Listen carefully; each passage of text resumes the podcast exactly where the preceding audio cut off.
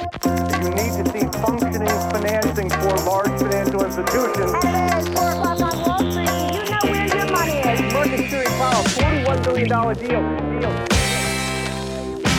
Då säger vi äntligen måndag och du gissade rätt. Det är dags för investerarens podcast nummer 36 i ordningen och det är faktiskt sista avsnittet jag också spelar här uppe i Norrbotten där jag befinner mig. Här för ett antal avsnitt sen så pratade jag lite grann om värmen och myggen och att man såg ut som en prickkorv efter att man hade spelat in klart. Nu sitter jag här ute på kvällskvisten. Det är revelj fem på morgonen för jag ska flyga ner till Stockholm och nu är det faktiskt ganska svalt om jag får säga så. Nästan kallt men jag hade inte, inte riktigt erkänt att det är kallt ute men det är betydligt mycket svalare än den enormt varma sommaren vi har haft den här sommaren. Ehm, och likväl som att det har varit hett, på, eh, hett under sommaren så har det varit högtryck på börsen. Nu börjar det bli lite svalare ute, vi går mot sen sommar, det är också lite svalare på börsen. Det har varit lite geopolitisk spänning och det kommer vi prata lite mer om, men det är inte temat för avsnittet.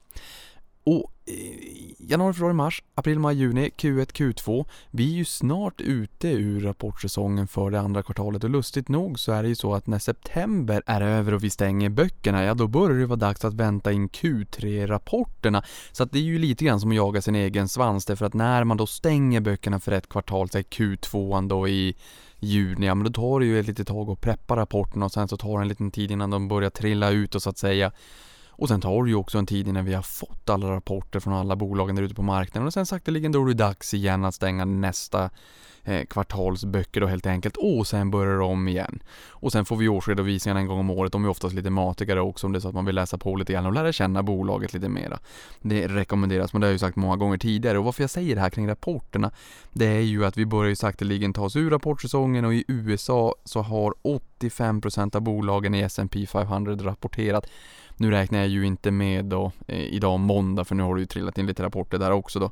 Eh, och än så länge så ser det ut som att vinsten year on year, alltså för Q2 i år jämfört med Q2 i fjol 2017, då stiger 24% så det är ju verkligen en ordentlig tillväxt egentligen och det är det i mångt och mycket som har drivit börsen också den här fundamentala tillväxten, alltså fundamenta då som driver.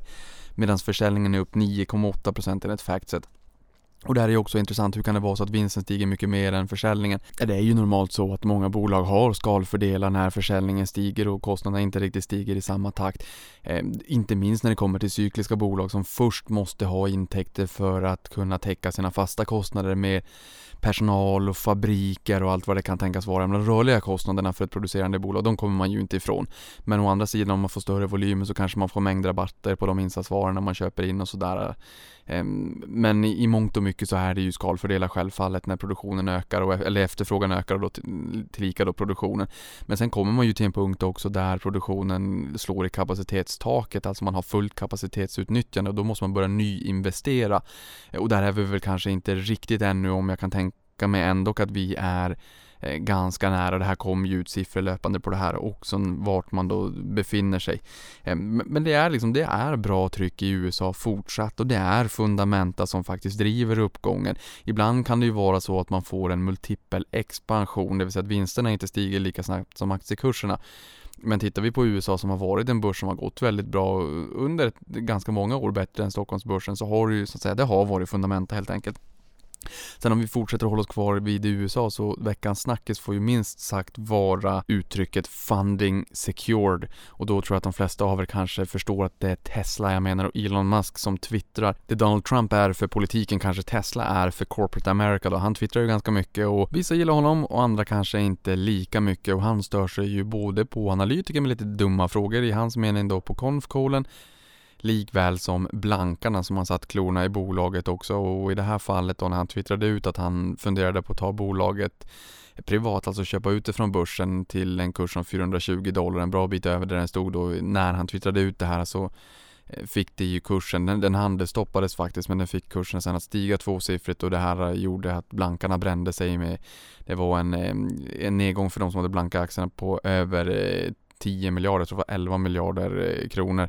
Så det var ju en rätt, eh, en rätt stor slant helt enkelt, ganska kännbar får man ju säga och det har, det har kommit in stämningar också mot eh, Musks twittrande just här för att det är kursdrivande. Så vi får helt enkelt se var man landar i det här men det är ju inte en helt enkel fråga och man kanske ska vara lite försiktig. Sen har vi också den geopolitiska oron mellan USA och Turkiet där USA har valt att fördubbla tarifferna på stål och aluminium i kölvattnet för, av en diplomatisk kris då, eh, mellan de här två länderna och det brukar ju vara köpläge om det så att börsen faller på geopolitisk oro. Vi har haft det många gånger tidigare, vi har ju sett det då också att det här brukar tendera att eh, blåsa över ganska fort. Vi har haft eh, Iran och vi har haft eh, Israel, Palestina och vi har haft Ukraina och vi har haft USA, Nordkorea och vi har Iran nu igen och vi har Turkiet och vi har Nordkorea. Eh, så att mycket av det här brukar faktiskt tendera att eh, blåsa över. Och sen Ryssland och sen har vi haft Italien och, och den eh, politiska oron där. Det kanske i och för sig hade varit lite mer stökigt ifall man hade fått förnyad oro i Italien. Det är ju en, en stor spelare inom den Europeiska unionen och EMU-samarbetet. Men likväl så historiskt sett så har det varit köpläge och det kanske fortsatt kommer vara så även den här här gången. Nu vart det ju inte riktigt jättestökigt på börsen ändå får man ju säga. Och det här spelar ju in efter då att eh, börsen har öppnat här på måndagen och jag har sett hur det har reagerat. Däremot det som har tagit väldigt mycket stryk det är ju Turkietfonderna. Och det fascineras jag faktiskt över när jag kikar på det här på Avanzas fondlista och sen så eh, sorterar jag då efter Turkietfonder. Ja, i år så har den bästa Turkietfonden bara backat med 35% och den sämsta har backat med 52%. Senaste veckan har den bästa backat med 583 och den heter Turkisk Fund. Så att jag utgår ifrån att det är Turkiet för det är faktiskt så jag har eh, sorterat den så att säga men eh, baserat på namnet Turkisk Fund eller Turkisk Fund så ja, jag utgår från det helt enkelt. Och eh, den sämsta har faktiskt backat med 24% så nästan en fjärdedel vilket är, eh, det är en rätt stor nedgång. Eh, och tittar jag det här på listan och den historiska avkastningen så det jag fascineras över det är att vi inte bara har i princip en halvering i år utan vi har ingen period de senaste fem åren som har gett en positiv avkastning varken i, i år, alltså year to date då, Eh, en vecka, en månad, tre månader, sex månader, ett år, tre år, fem år. Samtliga löptider, alltså samtliga de här perioderna är negativt och kraftigt negativt.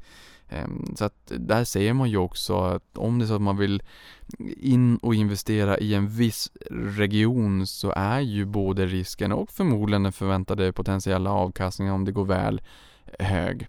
Och i det här fallet så har ju risken tenderat att ta övertaget och det är ju risk-off sentiment i den här regionen och det är ju ett tolkningsföreträde som är negativt bäsigt och där man snarare tittar på risken än, än uppsidan helt enkelt och det kanske kommer att bestå en tid det jag också eh, reflekterar lite grann över det är ju kring då US-dollarn som fortsätter att stärkas och den eh, turkiska liran som kollapsar. Jag tror att det var i fredags va, eh, där den, turkiska liran kollapsade 20% under en enskild dag, så alltså en femtedel av värdet på, på liran är utraderad under en enskild dag, och sen har det fortsatt ner.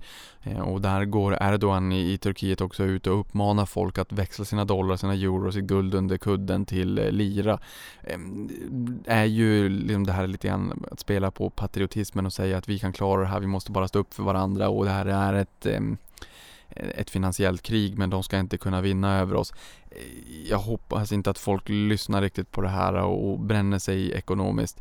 Ehm, men det är ju ändå ett intressant skeende att man går ut och säger så här.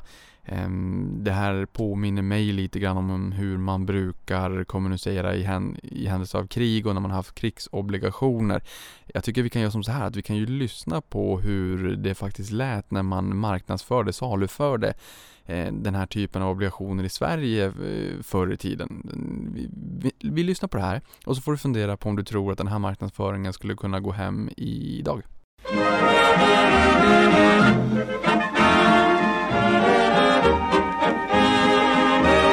Vi kan göra vad vi vill, berg kan vi förflytta. Här ska inte slöas till, här ska göras nytta. För här finns det armar i tusendetal och allt som behövs är förlagskapital. Har du råd att se landsmän slå dank, slå dank blott för att staten är pank? Nej, sätt in vad du har ut i statens förvar som är trygg som den säkraste bank. Då ska ditt kapital hålla verket igång och en dag ska du klippa din första kupong och ingen ska gå och slå dank, slå dank. Ingen går pank och slå dank.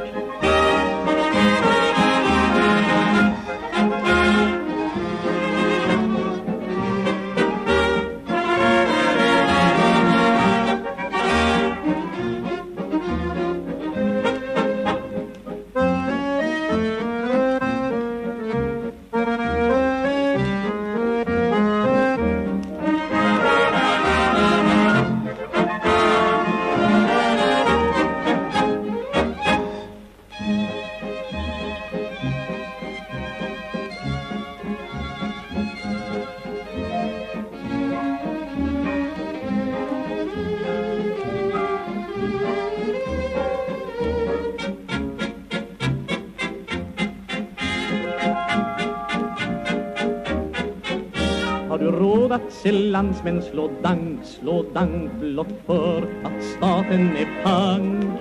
Nej, sätt in vad du har ut i statens förvar som är trygg som den säkraste bank. Då ska ditt kapital hålla verket igång och en dag ska du klippa din första kupong och ingen ska gå och slå dank, slå dank. Ingen går pank och slå dank.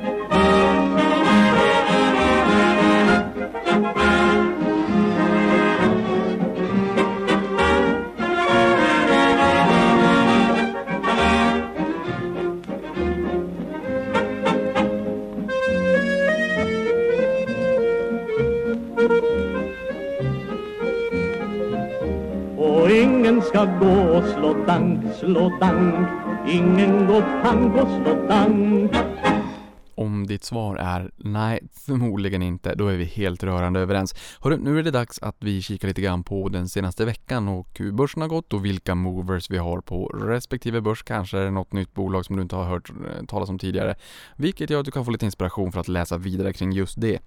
OMXS30, Stockholmsbörsens smala index får man säga, men där eh, viktningen är ungefär 60% av hela Stockholmsbörsen. Det var upp 0,30, förra veckan var det minus 0,05, alltså på mållinjen för nollstrecket. Nu fick vi en liten uppgång och där var det AstraZeneca som orkade stiga 6,2%. Stockholmsbörsens breda index OMX SPI plus 0,42, alltså lite mer och då var det Immunovia som orkade med en hygglig uppgång om 56% så att riktigt kraftig uppgång. Kul för de som satt på den aktien. Sen har vi Dow Jones 0,74 ner i USA. Där var det Nike som orkade stiga 2,5%. Nasdaq plus 0,35. Där var det Wins Financial Holdings upp 130% senaste veckan. S&P 500 ner minus 0,25. Där var det Century Link som orkade stiga 13,6% och där var jag lite nyfiken på det här namnet Century Link för det tyckte jag att det, det klingade bekant. Och då kollade jag att det är ju Berkshire Hathaway hade sin årsstämma i Omaha, Nebraska i Century Link eh, 2015 när jag var där. Jag bilade 500 mil tillsammans med fyra andra hugade unga aktiesparare och anordnade en investerarresa till USA. Och sen så var jag i Los Angeles och besökte min lillebror och sen sa jag att ah, jag bilar till New York istället. Så stannade jag i Omaha och det var nästan 500 mil och det kikade ju inte jag på lite grann för jag är ju eh, positivt lagd till min natur och lite tidsoptimist och sådär också. Men vi bilade förmodligen i ett i några dagar dygnet runt i skift, men kul var det i alla fall. Och det här med Central Link, jag kände ju igen det och sen så tittade jag lite grann på det. Jo då, det var nämligen så att eh, Warren Buffetts bolagsstämma då, i Berkshire Hathaway hölls i Century Link och det är just för att att eh, Centurylink eh, köpte ut ett bolag som heter Quest, eller köpte ett bolag som heter Quest här för ett antal år sedan. Då fick man med den här eh, rättigheten till det här namnet så bytte man namn då på den här arenan. Så det var en liten rolig kuriosa. Blickar vi ut mot ett fortsatt varmt Europa så ser vi Eurostox 50 inte lika varmt på börsen, minus 1,71. Men där var det Adidas som orkade med att stiga 8,5% och Adidas har stigit 188% de senaste tre åren och är faktiskt den aktien som under den perioden har stigit allra mest på eh, Eurostox 50 och där är det också intressant att kika på vilka bolag som har stigit allra mest. På fem år då är LVMH och titta på varför har den stigit så mycket. Är det bara eh, multipel expansion, att man värderar varje eh, vinstkrona högre eller är det så att det är fundamenta som har hängt med? Sen är det så här, visst man kanske kan vara backtrader och säga att man skulle ha köpt den där och sådär. Jo, men man kan ju ändå kika på och lära sig vad är det som gjorde, vad var det som drev den här aktien och vilka faktorer var det som låg till grund för det så att man kan ha med sig den kunskapen till nästa gång. För jag menar, det kommer ju alltid finnas aktier från idag och framåt som kommer gå väldigt bra, men det skadar ju inte att kika på vilka som har gått bra historiskt och varför de då har gått bra. Men som sagt, här, imorgon är det dags att åka hem från Norrbotten. Eh, några börsinfluenser som jag tar med mig härifrån det är att när jag var på Elganten, det hade jag lika gärna kunnat vara i Stockholm, då såg jag en hel hylla då med Turtle Beach som är det här eh, bolaget som säljer eh, hörlurar då för gamers och de här hade ju en nära döden upplevelse här för en tid sedan. Var ju helt utbombade men har ju gått otroligt bra sedan dess. Ehm, fick en riktig revival helt enkelt, en riktig turnaround i USA. Stigit 1700% sen botten i Q1, alltså 1700% och 1578% year to date. Så det har ju varit en fenomenal resa. Å andra sidan så har man ju tagit en fenomenal risk också om man investerar i bolaget när de har varit så nära eh, botten. Ehm, men å andra sidan, vändningen har ju pågått ett litet tag så att man har ju kunnat se vändningen, kunnat se momentum i vändningen och kunna hoppa på även om man inte var där från dagen då den bottnade och ändå kunna få en schysst resa. Jag har absolut inte varit med på den resan. Det är inte min typ av eh, bolag och resor att göra. Sen hela villakvarteret här i Boden där vi är då håller på att dra in fiberoptik. Det är ju ändå 2018 och där är ju Hexatronics fiberrullar överallt när man är ute och promenerar. Förutom rätt mycket Caterpillar-maskiner också vid potatislandet.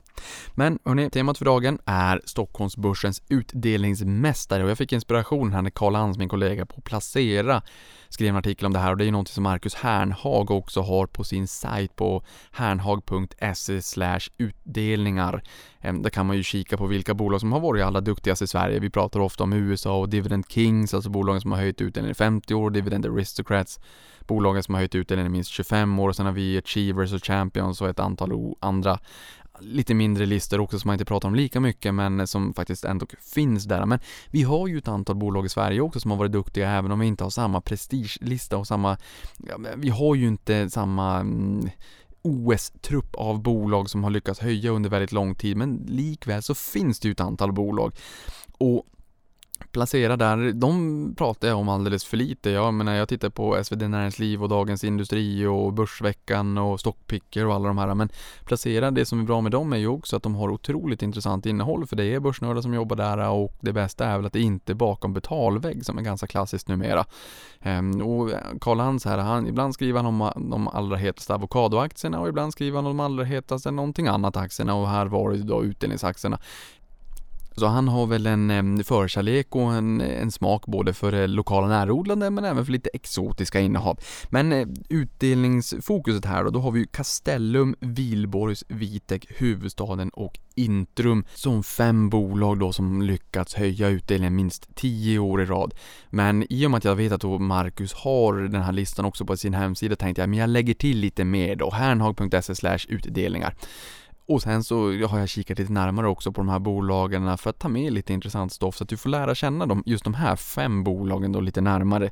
Sen som jag sa tidigare där också, årsredovisningen är ett perfekt sätt att lära känna ut eh, bolagen lite närmare. Ta ett bolag i veckan eller ta två bolag i månaden eller vad du vill. Läs årsredovisningen, läs vd-ordet, läs lite grann om bolaget. Så sakta men säkert så gör du din finansiella hemläxa. Du får liksom ha lite finansiella glosor. Eh, det finns 377 aktier på Stockholmsbörsen, inte lika många bolag för många har ju fler än en aktie då. Ehm, så att sakta men säkert så lär du dig de olika bolagen. Det finns rätt många bolag med lite konstiga namn där man tror att det är en verksamhet och sen är det en helt annan verksamhet. Det kanske inte riktigt gäller de största bolagen men likväl så finns den eh, effekten där. Castellum, i toppen så är det fastighetsbolag Ehm, tar vi, eller vi börjar med huvudstaden som har lyckats höja då i 21 år i rad. Där har vi en direktavkastning just nu på 2,5% och den har levererat 1,5% year to date så att den har ju faktiskt backat lite grann men då ska vi också komma ihåg att man har klippt kupongen på den. På andra plats har vi Castellum, direktavkastning på 3,3% och har stigit 28% year to date. Ehm, därefter har vi Vitec som har lyckats höja utdelningen 16 år i rad en direktavkastning på 1,3% och eh, har levererat en halv procent year to date, så att i alla fall över nollstrecket. Sen har vi på 12 år, det är delad då med Vilborgs och Intrum. Vilborgs direktavkastning på 2,9% eh, och har stigit 9% year to date och sen Intrum då eh, en direktavkastning på 3,9% och har fallit minus 6% year to date. De har ju haft det lite kämpigt sen samgåendet och fusionen med Lindorf om än när de släppte sin Q2 så togs den emot väldigt bra av marknaden för man har ju haft en förtroenderabatt egentligen kring den nya ledningen och man är ju lite osäker kring samgåendet och de villkoren som var och det är stöket runt omkring och den mediala rapporteringen och eh, den, aktien har fallit väldigt mycket och det finns nog en trigger i bolaget om det är så att man fortsätter visa att man är på rätt väg och den vinsten på 35 kronor per aktie som man har aviserat för 2020 lyckas man med det då är ju bolaget otroligt billigt idag. Men eh, jag vill inte, liksom, det är ingen rekommendation för när jag säger det att om man lyckas, det är ju osett ännu. Vi är i Q2 2018 än så länge men samtidigt så att säga, det här visar ju lite grann att man är på rätt väg i alla fall och det, det tog marknaden fasta på då helt enkelt. Men börjar vi kika på huvudstaden som då har lyckats höja utdelningen 21 år i rad, har ett eh, marknadsvärde på 32 miljarder. Då är det faktiskt så att det är Ivar Kryger, den gamla industrimagnaten och finansmannen som grundade huvudstaden 1915 Eh, och det här är ju fastighetsbolaget och vars anrika fastigheter finns på monopolbrädet tycker jag är lite roligt. Spelar man Monopol så är det i mångt och mycket just huvudstadens fastigheter då som man kan bli ägare till i det här spelet. Eh, och det tog bara två år från 1915 när man grundade bolaget till dess att det var Sveriges största fastighetsbolag så det gick ju också väldigt fort liksom många andra affärer för Kryger. Eh, och fastigheterna utgörs av kontors och butikslokaler i de mest attraktiva lägena i Stockholm och Göteborg.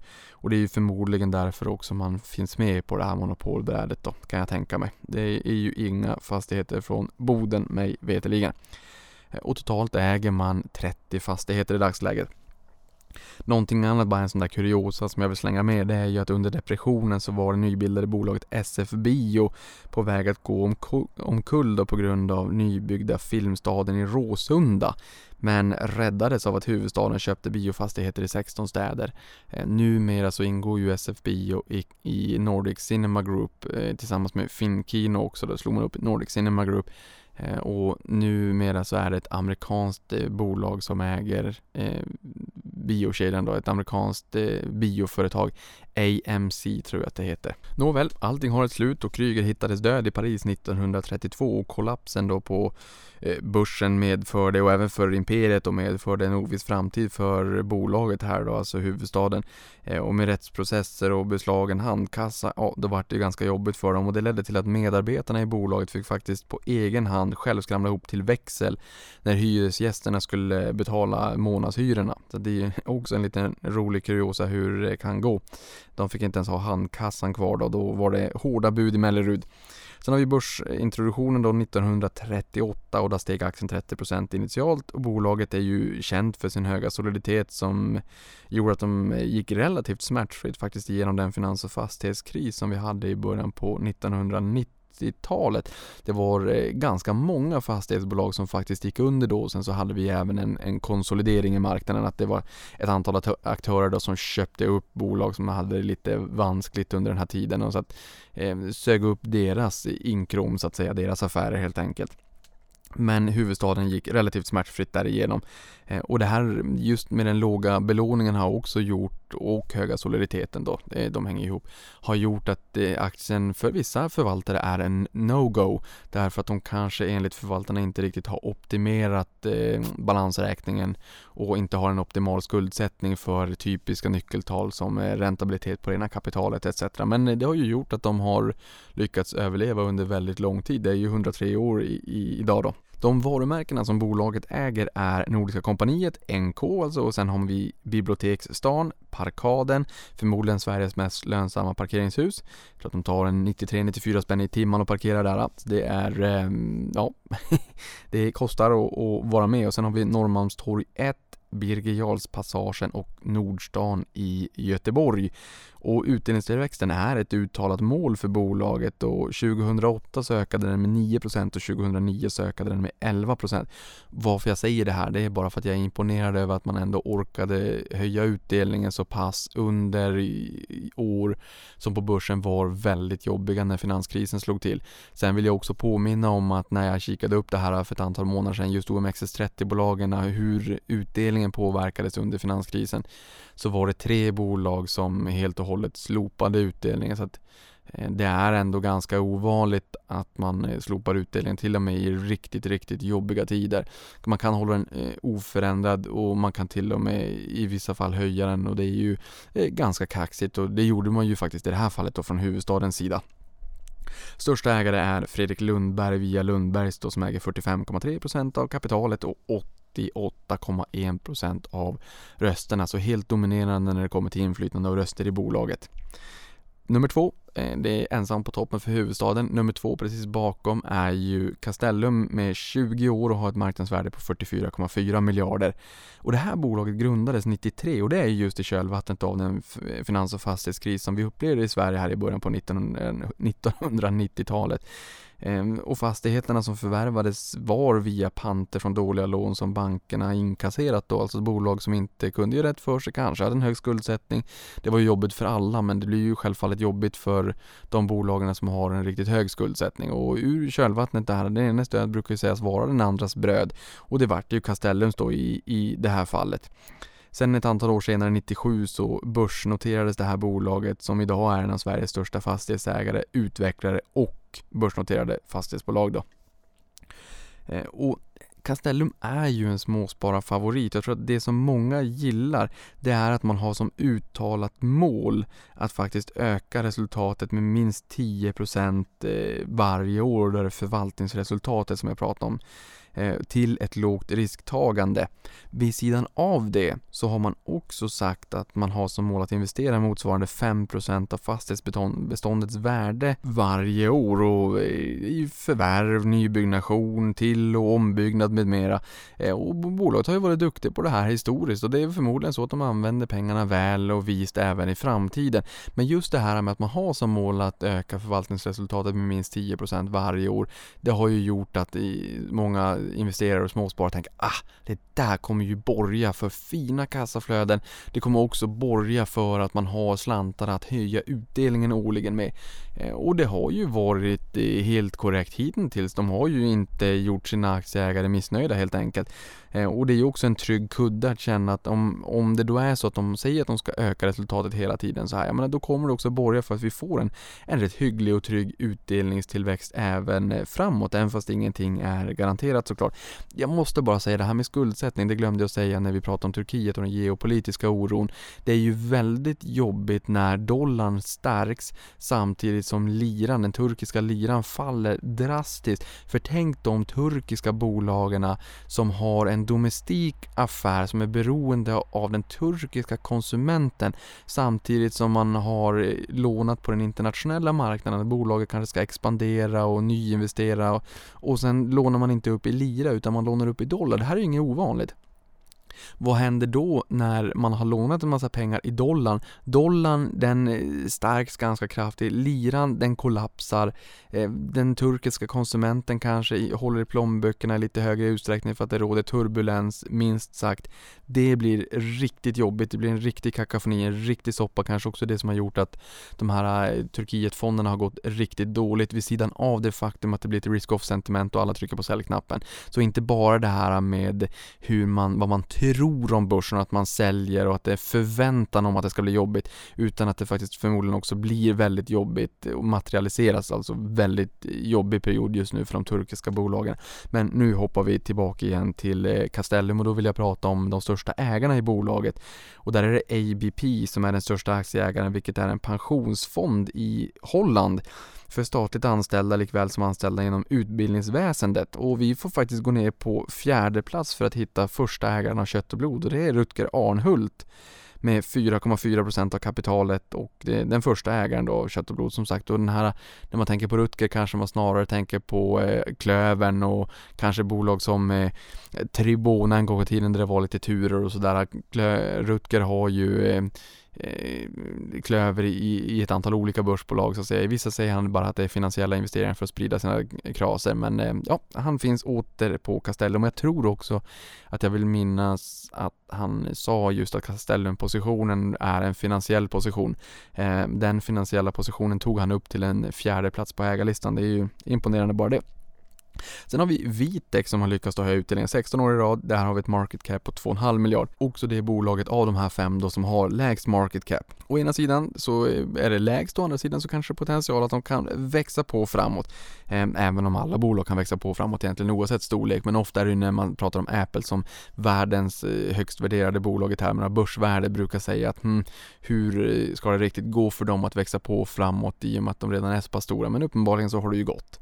Eh, men Vitec är ett mjukvarubolag som grundades 85 eh, och jobbar med det de kallar för Vertical Market Software i Norden då. Ehm, och leverera standardprogram till olika nischer. Alltså när man fokuserar och köper mogna program i olika nischer och tänker att men vi köper de här in, det blir, ska man säga, lite grann som ett investmentbolag för olika mjukvaror i olika branscher och sen så vidareförädlar man de här helt enkelt. Ehm, och affärsmodellen bygger på repetitiva intäkter och det är ju någonting som marknaden brukar eh, gilla väldigt mycket.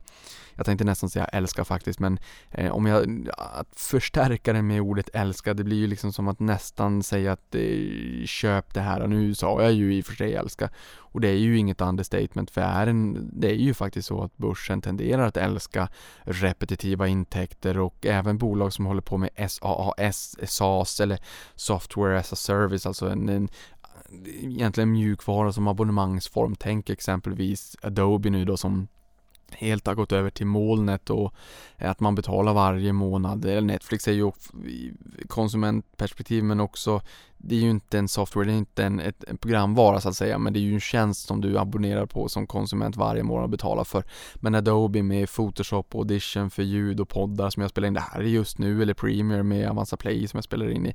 Det är ju väldigt mycket av Adobes programvaror man faktiskt använder och typiskt sånt där SaaS-bolag, eller Software as a Service. Och då får man ju repetitiva intäkter för man betalar en månadsland löpande hela tiden. Men affärsmodellen bygger upp på repetitiva intäkter och tillväxten sker enligt bolaget via förvärv av mogna mjukvarubolag. Eh, och det borgar ju enligt bolaget självt för stabila och förutsägbara kassaflöden och det bör ju rimligtvis vara bra för en utdelningsmästare som Vitec då. Eh, och 16 år, det är ganska lång tid, det är ju bara att tänka själv. Hur gammal var du för 16 år sedan? Och tänker man efter så, ja, jag var 15. Så det, jag tycker själv att 16 år är en ganska lång tid sedan. Det är inte igår man körde moppe här uppe i Boden. Eh, och programvarorna levereras i allt högre grad som molnbaserade abonnemang och det är ju någonting som också börsen gillar just när man går över till att till molnbaserade tjänster överlag men sen också om det är prenumerationsmodeller eh, som, som bolaget bygger affären på eh, och åtnjuter därmed den här strukturella eh, trenden som många andra bolag också har gjort helt enkelt.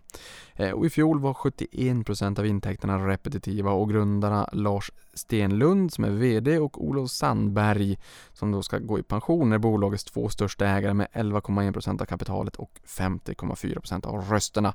De stod tydligen i en kö till, jag tror att det var en lunch Eh, 1985 och så började de prata om att ja men du kan ju koda och jag har ju kapital, ska vi inte göra något tillsammans? Och sen så vart det helt enkelt då Vitec Och det vart ju bra i slutändan så vi är ju glada för att eh, man började diskutera det där då för 33 år sedan. Sen har vi Wihlborgs, återigen fastigheter, tredje bolaget, 3 av fem, 2040 60% av de här fem bolagen som är på topp 5-listan är fastigheter. Ett genomgående tema får man ju säga. Har lyckats höja då i 12 år och market cap på 16,5 miljard. Eh, det här fastighetsbolaget grundades 1924 och verkar i Öresundsregionen med Malmö, Helsingborg, Lund och Köpenhamn som hemstäder.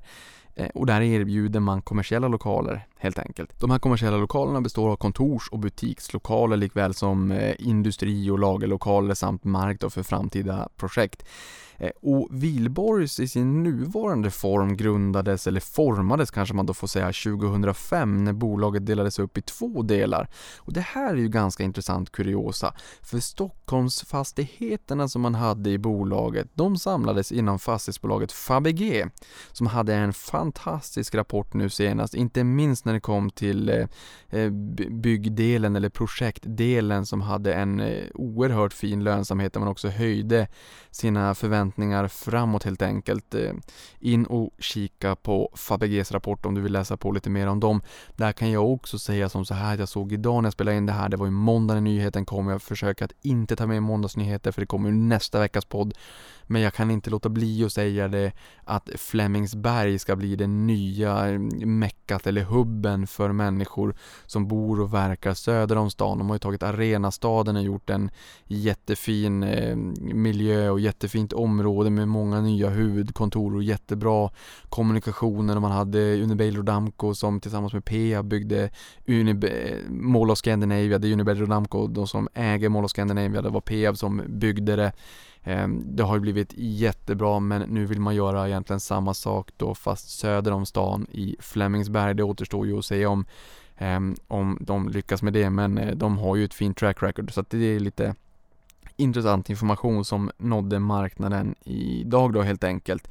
Eh, men fastigheterna i Öresundsregionen samlades i Vilborgs eh, som är det här bolaget som har höjt i 12 år. Eh, och Erik Paulsson med familj är största ägare med 10,3% av kapitalet och efter ett antal fonder då så kommer Mats Kviberg med familj på femte plats. Sista bolaget av de här fem är Intrum, före detta Intrum Justitia, sen gick man ihop med Lindorf och då heter man numera bara kort och gott Intrum. Höjt utdelningen lika många år som Wihlborgs, alltså 12 år och har ett marknadsvärde på 31 miljarder kronor och det här bolaget har blivit Europas marknadsledare inom kredithantering med exponering mot 24 marknader eh, som efter samgåendet mellan Intrum Justitia och Lindorf då blev kort och gott Intrum. Och i rapporten så pekar ju också Mikael Eriksson, vdn, på att våran styrka är just våra 24 marknader och våran breda exponering. Eh, och aktien steg kraftigt sen samgåendet aviserades då med Lindorf här eh, tidigare men sen följde ju ett antal turer fram och tillbaka, det som jag pratade om tidigare i podden och så samgåendet ifrågasattes starkt i media och det var väldigt många turer och jag var ju också lite kritisk och lite besviken sådär och jag har haft den här aktien under väldigt många år.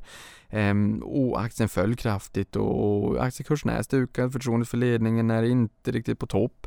Ehm, jag sa nyss att de släppte Q2, den togs emot väldigt bra, man säger att de är på rätt väg, de har lovat 35 kronor i vinst 2020, det återstår att se om så blir fallet. Ehm, de hörde ju av sig också och sa att de ville komma till podden och jag sa att jag hade varit lite kritisk och de sa att de visste om det och de ville komma hit och berätta sin sida och det gläder mig att Mikael gjorde det. Så har du inte lyssnat på avsnittet, bonusepisoden som jag släppte för någon månad sedan med Mikael Eriksson på Intrum, scrolla ner i poddlistan och lyssna på det. Jag tycker överlag att det är väldigt intressant just att lyssna på de här eh, bonusavsnitten när bolagen kommer och besöker mig. Jag lägger ner jättemycket tid på att läsa på kring bolagen och göra så bra produktion jag bara kan och det är just mitt sätt att försöka servera lite grann den här finansiella allmänbildningen jag pratade om tidigare här också, att försöka lära känna bolagen på börsen även om de inte kommer vara i portföljen kanske precis just nu. Sen sa jag ju också, det här var de topp fem bolagen då som har höjt utdelningen minst tio år i rad, men jag vet att det finns så många mer bolag att prata om när man ska prata om just utdelningsmästaren och kanske vilka som står på tur och knackar på och också vill ta sig upp på den här topplistan.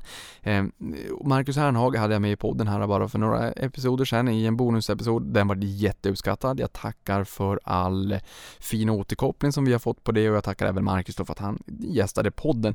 Eh, och på sin hemsida om du har glömt det, hernhag.se utdelningar så har han en fantastiskt trevlig lista med de bolagen på Stockholmsbörsen som har varit allra duktigast historiskt just när det kommer till att eh, bjuda på fin utdelningshistorik. Eh, och varför jag nämner Marcus hemsida flera gånger det är ju för att jag är ytterst tacksam att han bjuder oss investerare på det här. Jag tar upp det i podden eh, men det är tack vare honom som jag också faktiskt kan göra det. Och där har vi H&M H&M har inte höjt utdelningen sedan 2014, vi har fått 9 kronor och 75 öre. Och vi har väntat på att de här investeringarna i online ska bära frukt, det har de inte gjort. Samtidigt som spanska konkurrenten Inditex med Sara, Massimo Dutti, Pull&Bear med, med, med flera varumärken eh, har höjt utdelningen och Eh, haft en hygglig resa men den har stukats lite grann på senaste. Ehm, man har inte riktigt haft kassaflöde kanske för att borga den här utdelningen. Nu har man ju delat upp den också, den här utdelningen på två tillfällen under året vilket blir lite enklare för bolaget. Men likväl så har man inte, oavsett vad man tycker om de kan bibehålla den här eller inte, och man försökte med en liten abrovink eh, i år då som marknaden starkt ogillade. Men det till trots så har bolaget inte sänkt utdelningen på 43 år Atlas Copco, 34 år utan stängt ordinarie utdelning. Det här med extrautdelningar, ibland så är det så att eh, Kinnevik säljer Vit och Ru-blocket, kopian i Ryssland eh, och man får in en extra slant, man inte vet hur man ska sätta den i arbete, man delar ut den som en extrautdelning. Vissa andra bolag, eller ta Cloetta Italien som fick in också en, en slant, där hade man en ordinarie utdelning på 50 öre i fjol, man höjde det till 75 öre i år och sen så fick man en extra utdelning på 75 öre eh, i år då så att säga. Så att det, utdelningen har ju inte gått från 50 öre till 1,50 i år utan från 50 öre till 75 öre. Eh, men vissa bolag gör lite fult så att man eh, gör någon form av standard kring de här eh, extrautdelningarna om man har dem år efter år för då är det så att det blir sämre tider. Det är ju nästan som att ha konsulter, de kan man göra sig av med ganska snabbt om man måste anpassa kostnadsmassan. Den här extrautdelningen kan man ju slopa ganska snabbt och säga men se vi har ju inte sänkt den ordinarie utdelningen. Så att, att, att göra det här till en, en, en trend, så att, mm, det ställer jag mig lite frågande till. Det, det, är inte jättesnyggt tycker jag. Men Atlas Copco då, 34 år utan sänkt ordinarie utdelning. Wallenstam 23 år utan sänkt utdelning. Assaboy 23 år. Sweco 19 eh, där har man haft ett antal extra utdelningar som har gjort lite slaget mellan åren men här pratar vi då om den ordinarie utdelningen. Ehm, Phoenix Outdoor 19 år, Nibe 19, Astra 18, BRF 16, BTS Fast Partner också 16, Skanska 15, Alfa Laval, Beijer Alma, OF 15, Kinnevik ABB 13, Atrium Ljungberg 12, AAK, alltså gamla Aarhus Karlshamn då, 12 år. Eh, nu tror jag att jag uttalade det namnet fel, jag har fått bassning på det förut, men jag säger bara AAK. Lagerkrantz 12, Softronic 11 år, Investor 9, Acando Axfood och Duni också på 9 år. Sen så har han en liten övrigt lista och det är Latour som har sänkt utdelningen två gånger sedan 1985. Men det här med sänkt utdelning behöver inte betyda att det är en dålig investering för det för att bolaget har ju levererat någonstans det är väl 120 000 procent sedan 85. Eh, det har varit en fenomenal resa i Latour. Där säger jag återigen att lyssna på avsnitt 10 om du vill lyssna på Jan Svensson som gästar podden kring just eh, Latour där och eh, förhoppningsvis när jag har kommer väl kanske aldrig riktigt sluta podda här om det är inte så att ingen eh, längre lyssnar. Men förhoppningsvis i framtiden så kommer jag kunna säga att lyssna på det här och det här avsnittet när bolaget var och gästade. För jag skulle ju vilja att alla bolag kom i alla fall en gång. Sen har vi SCA som har sänkt en gång sedan 1950 och Telia som har sänkt en gång sedan 2002. Och de kom ju in 13 juni 2000 men här skriver Marcus 2002 då det var ju för att det var då fusionen mellan Telia och Sonera, alltså Telia Sonera numera heter ju Telia Company, eh, då skedde. Så en gång sedan dess. Och då sänkte man väl från 3 kronor till 2 kronor vill jag minnas. Eh, och det är ju också det här med varför man då inte riktigt bara blint ska stirra på direktavkastningen för att guld kan bli kattguld. Det blev det här fallet. Ratos slaktade ju eh, från 6 kronor till 3 kronor, Telia från 3 till 2, eh, sen höjde man från 2 till eh, 2 och Eh, 30 så det var ju ändå en, en, ganska fin ökning där men bolagen eh, som ger en, en bra utdelning, där utdelningsandelen stiger och, och vinst och kassaflöde minskar, där ska man vara allmänt försiktig. Det här har jag pratat om i ett utdelningstemaavsnitt tidigare så det ska jag inte sväva ut något mer kring utan nu ska jag snabbt gå in istället på nyhetssvepet. Eh, och då kan jag börja med Match Group som äger bland annat eh, Match.com och Tinder hade en bra vecka i samband med sin rapport. Man höjde guidance för helåret Eh, och Tinder har börjat monetarisera på sina användare sedan ett antal år tillbaka och förväntas då självt, i och med att Tinder inte är det enda innehavet i Match Group, eh, avknoppades från Interactive Corps Match.com, alltså, eller Match Group, då har ju Match.com också. Tinder själv som man tänker ha betalar folk för det där? Jo, eh, intäkterna förväntas där på hela året bli 800 miljoner US-dollar så det är ganska mycket intäkter. Ehm, eh, premiumanvändarna ökade 81% senaste kvartalet eh, medan abonnentintäkterna steg med 136%. Och nu har man 8 miljoner betalande användare globalt och ARPUN som är så viktig i den här typen av bolag, alltså average revenue per user eller genomsnittlig intäkt per användare globalt ökade 8% och betalande användare ökade 27 procent. Sen har vi Netflix som ska starta sin första, första produktionsstudio i Europa eh, och valet föll på Spanien. Eh, det där sa jag säkert bara för att i Spanien så läspar man ju lite grann i språket och det gjorde jag ju även där. Jag läspade på nyheterna närmare bestämt i Madrid då helt enkelt. Och spanska är ju världens näst största språk mätt i, i de som har det som modersmål men tredje största språk efter mandarin i Kina och engelskan så det känns ju som ett rimligt beslut. Det är väldigt många människor som pratar spanska och sen så är det ju förmodligen väldigt många kulturellt som kan också eh, identifiera sig lite grann med den kulturella skillnaden som förmodligen kommer vara i de spanska produktionerna. Jättekul att se hur det kommer gå med det här, det kommer säkert gå alldeles utmärkt. Sen har vi Google som tänker återetablera sig på den kinesiska marknaden med en censurerad version av sökmotorn och även fört samtal med bland annat Tencent kring molntjänster för den kinesiska marknaden, det kinesiska fastlandet. Och här är det många som höjer ögonbrynen lite grann för det har ju inte riktigt varit Googles stil att censurera. Eh, och jag lyssnade i en podd att nu kommer man behöva censurera mänskliga rättigheter exempelvis och demokrati. Ehm, så att man har ju ställt sig lite frågande kring det här. Men det är ju en enorm marknad och uppenbarligen så i det här fallet, jag ska inte vara den som säger det, men det verkar som att man är Hawks, Men det behöver ju inte vara så. De kanske också kan försöka påverka för att man ska få en mera öppen och demokratisk eh, marknad där man respekterar mänskliga rättigheter. Eh, även om det kanske är lite utopiskt att tro att så är fallet eh, i alla fall det korta perspektivet.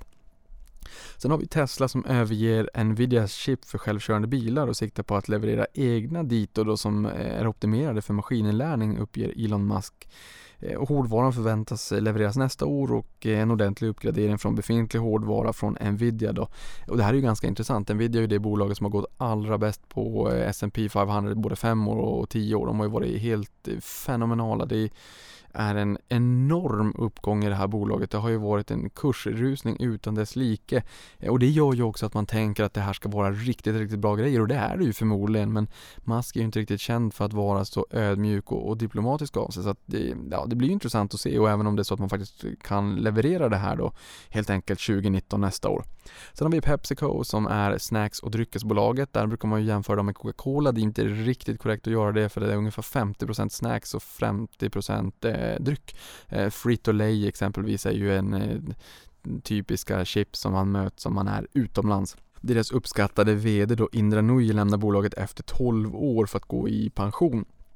Mig veterligen så är hon då 62 år i dagsläget och det är kanske nog inte så att hon bara lägger sig på soffan utan hon kommer nog göra väldigt mycket annat också men eh, det är en förlust för bolaget. Hon har varit väldigt uppskattad som jag förstår det och hon har varit och verkat inom bolaget under 24 års tid. Sen har vi gamingbolaget Electronic Arts som ingår e-sportssamarbete med NFL kring nya Madden NFL 19 tillsammans med ESPN som ägs av Disney då. Småspararfavoriten Pandora i Danmark och varför jag säger det, det är för att söker man på Pandora så får man upp en i Danmark och sen så får man upp en Spotify-konkurrent i USA. Men den danska dito då med Affordable Jewelry vinstvarnade och sa att tillväxten för helåret skulle landa på 4-7% istället för tidigare prognos på 7-10% så att det är ju en ganska stor skillnad. Sen säger man också att ebitda-marginalen, alltså rörelsemarginalen för av och nedskrivningar skulle landa på 32% istället för 35% Det här togs inte emot väl av marknaden. Aktien föll 24% i samband med den här vinsten vinstvarningen varningen eh, och har därmed backat 45% sedan årsskiftet. Eh, några dagar senare så aviserades även eh, VDs avgång. Däremot så såg jag att det aviserades, inte då från Pandora, men i nyhetsflödet att han föreslås som styrelseledamot i Bang Olufsen i Danmark, eller Bang Olufsen som vissa säger. Inte Lady Lufsen utan Bang Olufsen. Eh, sen har vi prylkedjan Clas Ohlson som utökar sitt samarbete med Mathem där kunderna nu kommer att kunna beställa 2000 produkter för samkörning då istället för tidigare 700 produkter så att de utökar det här. Jag har också pratat med Clas Ohlson. Jag hoppas att de kommer att gästa podden här i början på hösten. Det hade varit spännande. Sen har vi Michael Kors som höjer helårsprognosen efter att omsättningen det senaste kvartalet var bättre än väntat. Aktien steg 11% senaste veckan och 60% senaste året. Sen har vi Hexagons VD Ola Rolén som har halverat innehavet i bolaget. Försäljningen ska göras av privatekonomiska skäl säger han och han har inte för avsikt att sälja fler aktier men eh, den här likviden då är en bit över 300 miljoner kronor. Eh, han har varit med i bolaget under väldigt lång tid, egentligen byggt dagens Hexagon får man ju säga. Eh, så det är klart att det är en märkeshändelse och det är ju också eh, ett signalvärde. Eh, det är ju svårt att se vilka utgifter av privatekonomiska skäl som tarvar 300 miljoner kronor. Sen har vi Microsoft VD som säljer 30% av sitt innehav för mer än 35 miljoner US-dollar och skälet sägs vara finansiell diversifiering och planering. I svenska kronor så är det ungefär 319 miljoner kronor och och eh, han äger ju fortfarande mycket aktier. Eh, och man har, VD för Microsoft har som krav på sig att en position på minst 15 årsinkomster eh, och årsinkomsten just nu ligger på 1,45 miljoner US dollar. Och just det där kravet med minst 15 årsinkomster i aktieinnehav, det, det tycker jag ju är eh, Ja, det är ju kaxigt. Det är ju verkligen pilotskolan får man ju säga. Sist men inte minst den avslutande nyheten innan eh, jag säger tack och godnatt inför tidigare välj så är det VF Corp som funderar på att sälja av jeansmärkena Lee och Wrangler eh, eller samla dem i ett eget börsbolag, särnotera och eh, eller avknoppa och särnotera ska jag säga. Jeansförsäljningen i USA har minskat sedan 2013 och här vill man vässa fokus på mer lönsamma varumärken såsom Vans Shoes och The North Face så att där vill man helt enkelt avknoppa och särnotera alternativt sälja. Hörni, nu är det dags för mig att säga tack och godnatt. Det brukar ju sägas att solen aldrig går ner på sommaren eh, här uppe i Boden och det gör den inte heller. Men nu börjar vi eh, närma oss slutet på sommaren. Det börjar bli väldigt mörkt ute och därför säger jag tack och nästa gång vi hörs så är vi i Vimlet i Stockholm. Du kommer inte märka någon skillnad. Tack och hej!